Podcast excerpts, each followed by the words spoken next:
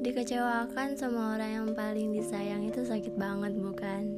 Tapi kita lupa adanya Allah Allah lebih sayang banget sama umatnya ketika kita lagi menangis dalam bentuk penyesalan Allah negur kita Kenapa umatku? Padahal aku sudah memperingatkanmu supaya dijauhi yang bukan mahramnya.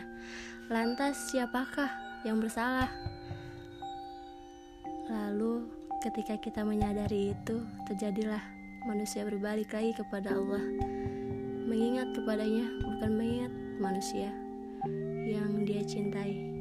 Allah pasti ngasih kita ketenangan secara langsung karena tidak ada sangkut pautnya lagi kepada manusia yang memaniskan keadaan.